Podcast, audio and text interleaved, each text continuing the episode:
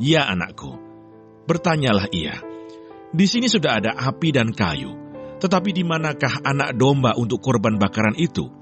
Saud Abraham, Allah yang akan menyediakan anak domba untuk korban bakaran baginya anakku. Demikianlah keduanya berjalan bersama-sama.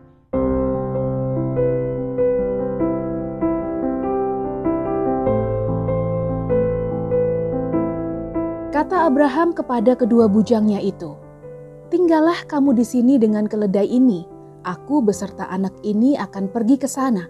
Kami akan sembahyang, sesudah itu kami kembali kepadamu." Kejadian 22 ayat 5.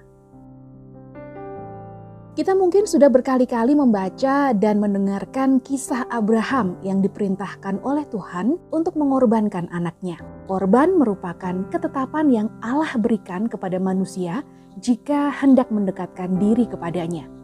Demikian juga orang-orang Kanaan. Mereka pun memberikan korban kepada ilah lain. Bahkan mereka berani mengorbankan anaknya sebagai wujud kesetiaan kepada ilah tersebut.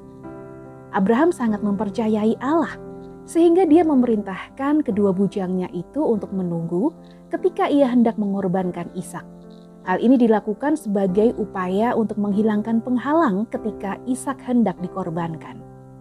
Abraham adalah pribadi yang bekerja dengan sistematis dan memikirkan dengan detail pekerjaan yang akan dilakukannya, termasuk tingkat keberhasilannya. Kedua bujangnya dianggap oleh Abraham bisa menjadi penghalang dalam pengorbanan yang Allah kehendaki.